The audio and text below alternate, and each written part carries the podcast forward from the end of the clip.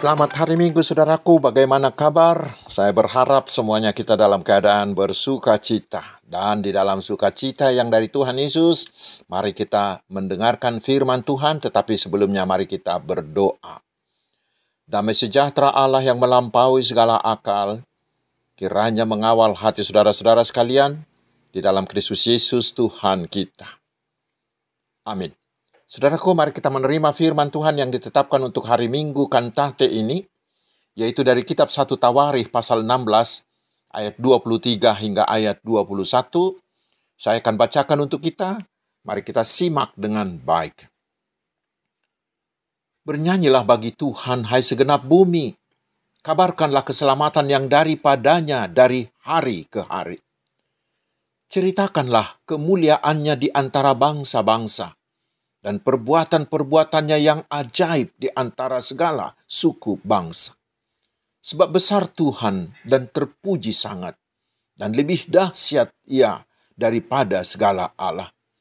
Sebab segala Allah bangsa-bangsa adalah berhala, tetapi Tuhanlah yang menjadikan langit. Keagungan dan semarak ada di hadapannya. Kekuatan dan sukacita ada di tempatnya. Kepada Tuhan hai suku-suku bangsa. Kepada Tuhan sajalah kemuliaan dan kekuatan. Demikian firman Tuhan. Saudara-saudaraku yang dikasihi Tuhan Yesus Kristus, kita sudah tiba di minggu keempat sesudah Paskah. Setelah minggu lalu kita diajak agar berjubilate, minggu ini kita diajak berkantate yang diambil dari Mazmur 98 ayat yang pertama yang berkata, Nyanyikanlah nyanyian baru bagi Tuhan, sebab ia telah melakukan perbuatan-perbuatan yang ajaib. Keselamatan telah dikerjakan kepadanya oleh tangan kanannya, oleh lengannya yang kudus. Demikian firman Tuhan, dan ini mengajak agar kita menyanyikan keselamatan yang telah diperbuat Allah melalui kebangkitan Tuhan Yesus. Seorang penulis menuliskan begini, tidak ada yang lebih disukai Tuhan daripada pujian dan ucapan syukur yang sungguh-sungguh keluar dari hati yang tulus. Saudaraku, bila dikatakan nyanyian baru, nyanyian baru itu bukanlah gubahan atau aransemen yang baru. Nyanyian baru adalah nyanyian yang kita nyanyikan dengan pengalaman baru atau yang sedang kita alami. Nyanyian lama akan menjadi nyanyian baru bila kita sedang mengalaminya, bila kita nyanyikan dengan penghayatan yang baru. Dan kebangkitan Yesus dari kematian adalah dasar yang paling utama bagi setiap orang percaya untuk menyanyikan nyanyian baru bagi Tuhan. Itulah yang dilakukan oleh Raja Daud di dalam Nats ini. Ketika itu, dia membawa tabut perjanjian ke Yerusalem. Baginya itu adalah sebuah keajaiban karena tabut itu adalah tanda bahwa Tuhan mau tetap bersama dengan mereka. Karena itulah saudaraku, karena itulah saudaraku sejak hari itu Daud mengangkat keturunan Asaf bertugas khusus untuk melakukan puji-pujian di kemah pertemuan itu. Daud benar-benar berkantate. Dan hari ini kita juga diajak untuk berkantate. Sekarang bagaimanakah supaya kita bisa berkantate? Di ayat 9 dikatakan, Bernyanyilah baginya, bermasmurlah baginya, percakapkanlah segala perbuatannya yang ajaib. Dan di ayat 12 dikatakan, Ingatlah perbuatan-perbuatan ajaib yang dilakukannya, mujizat-mujizatnya. Kita berkantate bila kita mengalami perbuatan Tuhan yang ajaib dan yang dengan rendah hati mengakui bahwa itu semua terjadi hanyalah karena perbuatan Allah. Karena itu, nyanyian baru adalah kesaksian setiap orang bila dia telah melihat, bila dia telah mengalami dan mengagumi perbuatan Allah yang ajaib dalam hidupnya. Nyanyian baru itu adalah ekspresi dari pengalaman iman, dari pengalaman iman orang-orang percaya. Dan itulah yang dilakukan Daud di Nats ini. Saudaraku di dalam pasal 16 ini Daud mengagumi bila tu, bila tabut perjanjian itu tiba di Yerusalem Karena tabut perjanjian itu adalah bukti kehadiran dan bukti penyertaan Allah atas mereka. Daud mengagumi perbuatan Tuhan, mulai dari pembebasan dari, perbu dari perbudakan Mesir. Dari situlah dia mengagumi. Allah itu adalah Allah yang setia, yang teguh pada perjanjiannya. Karena Allah merealisasikan janji-janjinya yang kepada nenek moyang mereka, Abraham. Yaitu dengan memberi tanah kanaan menjadi tanah air mereka. Dia Allah yang menjagai, yang memberkati, hingga membuat mereka menjadi bangsa yang besar dan bangsa yang disegani. Itulah yang mereka puji. Karena itulah Daud mengajak seluruh Israel untuk berkantate sehingga Daud mengangkat Asaf dan saudaranya menjadi pemusik untuk mewakili dia dan seluruh Israel memuji-muji Tuhan melalui nyanyian baru. Karena itulah saudaraku, kita juga harus bersyukur dan berkantate bagi Tuhan bila Tuhan masih berkenan mendirikan gerejanya di tempat kita masing-masing sebagai tempat kita bersekutu dengan Tuhan. Dan Tuhan terus menjagai gereja itu siang dan malam. Bukankah itu sebuah mujizat, saudaraku? Itulah bukti bahwa Tuhan masih beserta dengan kita. Karena itu mari kita berkantate untuk itu. Dan selanjutnya di perikop ini di ayat 23 sampai 28 ini Daud mengajak bukan hanya Israel tetapi mengajak segenap bumi untuk bernyanyi untuk berkantate bagi Tuhan dengan menyanyikan nyanyian baru bagi Tuhan. Mereka dan kita mengabarkan semua perbuatan Tuhan, juga kemuliaan Tuhan, juga perbuatan-perbuatannya yang ajaib. Ayat 23b hingga 24. Nyanyian adalah alat kita selain memuliakan Tuhan, tetapi juga untuk memasurkan dan menyebarkan, memberitahukan ke seluruh dunia tentang Allah kita, dan terutama tentang keselamatan yang sudah dilakukannya di dalam kematian dan kebangkitan Yesus. Dan menurut sejarah yang kita baca, sudah terbukti. Sudah banyak orang yang bertobat dan menerima Tuhan Yesus menjadi Tuhan dan Juru Selamatnya karena mereka mendengarkan nyanyian-nyanyian tentang Yesus, baik itu di pesta-pesta rohani atau di evangelisasi-evangelisasi. Karena itulah kita harus semakin rajin menyanyikan Tuhan, menyanyikan kebangkitan Yesus agar semakin banyak orang yang bertobat. Dan selanjutnya saudaraku, Daud berkantate karena dia mengenal dan mempercayai bahwa Allah adalah Allah yang dahsyat. Tidak ada Allah yang seperti dia, kata Daud di ayat 25. Karena Allah lah yang menciptakan segala sesuatu. Ayat 26. Karena itu Allah kita bukanlah hanya Tuhan bagi umatnya Israel. Melainkan dia adalah Tuhan atas semua bangsa dan segenap alam. Dia adalah Raja dunia. Ayat 31. Dia adalah Allah yang mengatasi segala ilah yang lain. Karena segala ilah lain bukanlah Allah karena mereka tidak dapat berbuat apa-apa. Tetapi Allah Yahweh adalah Allah yang benar. Itulah yang harus kita nyanyikan saat ini. Allah kita itu benar-benar dahsyat. Lihatlah dunia ini diciptakannya melalui firman-Nya yang telah menjadi daging, yaitu Yesus Tuhan kita. Dan Yesus begitu dahsyat. Melalui kebangkitannya, Yesus mampu mengalahkan maut, mengalahkan dosa, mengalahkan iblis yang adalah musuh utama dan musuh terakhir manusia dan dunia ini. Dengan kebangkitannya, Yesus merampas kita yang terpenjara oleh dosa dan mengembalikan kita ke tangan Tuhan. Dan setelah itu, kepada Yesus diserahkan segala kuasa, baik di atas bumi, di bawah bumi, maupun di sorga. Dan terutama, hanya di dalam Yesuslah ada keselamatan. Tidak ada nama lain selain nama Yesus yang mampu menyelamatkan kita. Kisah Rasul 4 ayat 12. Itulah saudaraku yang harus kita nyanyikan, yang harus kita masukkan, yang harus kita beritakan kepada seluruh dunia agar mereka mau percaya kepada Yesus, lalu mereka selamat. Tetapi pertanyaannya saudaraku, masihkah kita mengagumi kasih Allah yang luar biasa yang menyelamatkan kita melalui pengorbanan Tuhan Yesus Kristus itu? Karena kekagumannya atas kasih karunia itulah maka John Newton mengubah lagu yang terkenal itu Amazing Grace. Bagaimana dengan kita sekarang?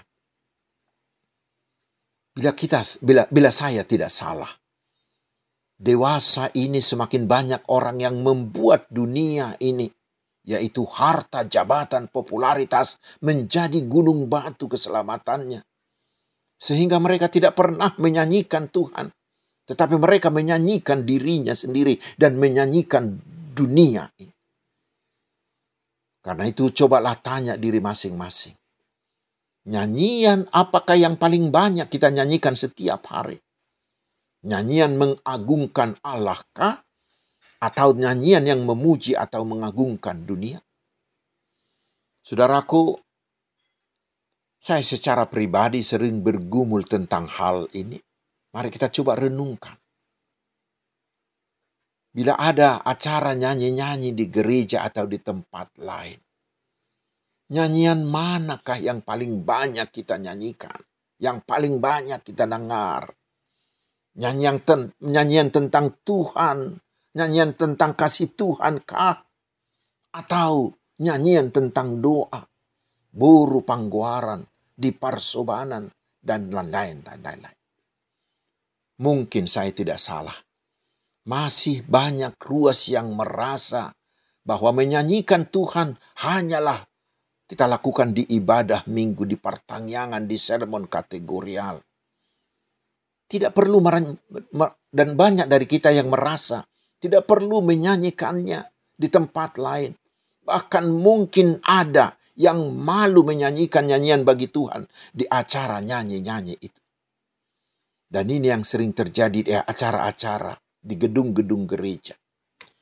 Sesudah kebaktian selesai, sangat jarang kita mendengar ada lagi nyanyian rohani untuk Tuhan. Hampir semuanya nyanyian untuk dunia. Bahkan saudaraku, ada yang berbahaya sekali. Karena ada lagi yang bernyanyi di daerah altar gereja atau di dalam gereja dengan lirik yang mengatakan Pagomosma tangi yang mi tumula jadi naboloni. Ya ampun Tuhan. Masa di dalam gereja kita berdoa ke dewa-dewa Padahal ada seorang teolog-teolog Inggris yang sering memberi pengajaran Alkitab di media internet. Beliau mengatakan bahwa sekarang ini sangat mudah bagi si iblis untuk merusak gereja.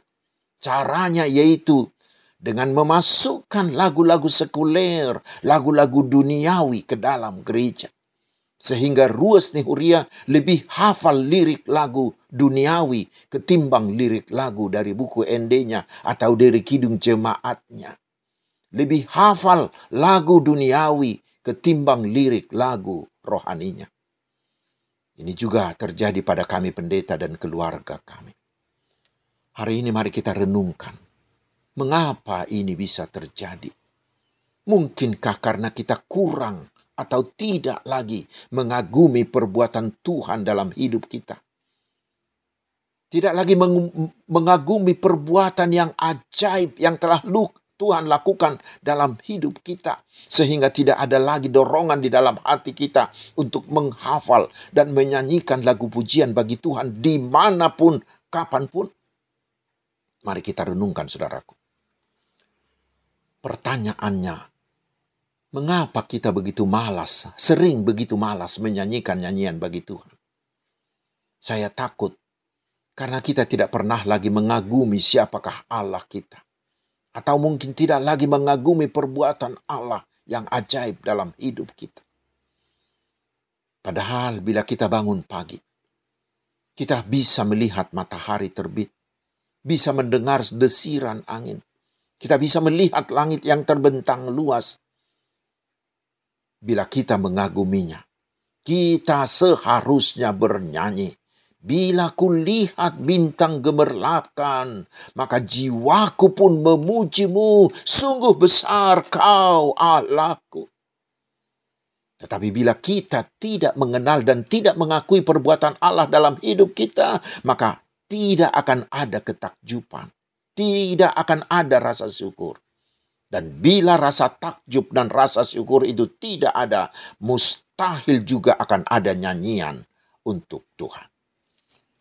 Karena itu saudaraku jelaslah Puji-pujian akan keluar dari hati kita hanya bila kita mengenal, bila kita mengakui, bila kita mengagumi perbuatan dan mujizat Allah dalam hidup kita.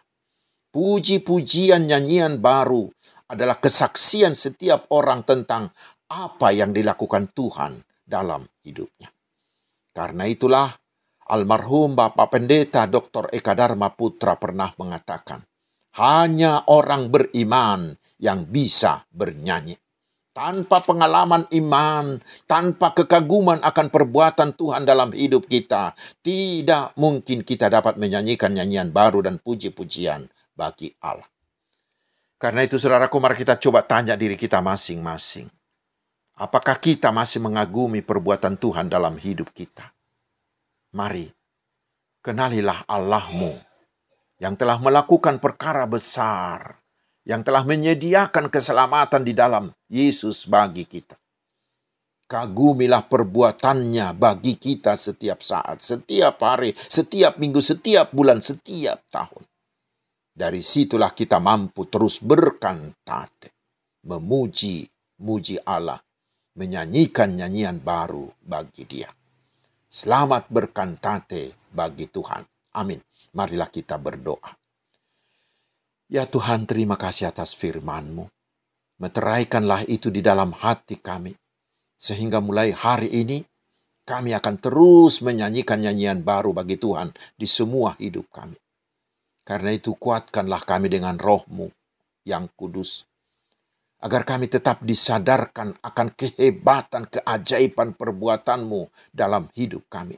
Sehingga kami terus mengaguminya mengaguminya.